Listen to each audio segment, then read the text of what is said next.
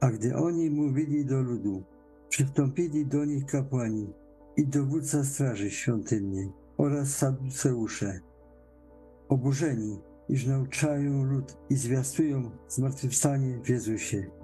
Ujęli ich więc i wtrącili do więzienia, aż do następnego dnia. Był już bowiem wieczór. A następnego dnia zebrali się w Jerozolimie ich przełożeni i starsi i uczeni w piśmie. I postawiwszy ich pośrodku, pytali się, jaką mocą albo w czyim imieniu to uczyniliście.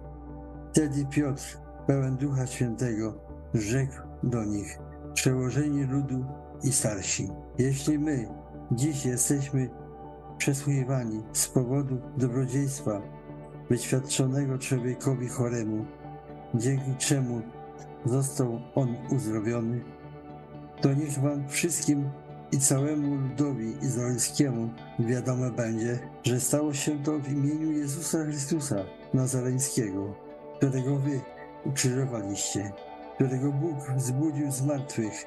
Dzięki niemu ten oto stoi zdrów przed wami. On to jest owym kamieniem odrzuconym przez was budujących.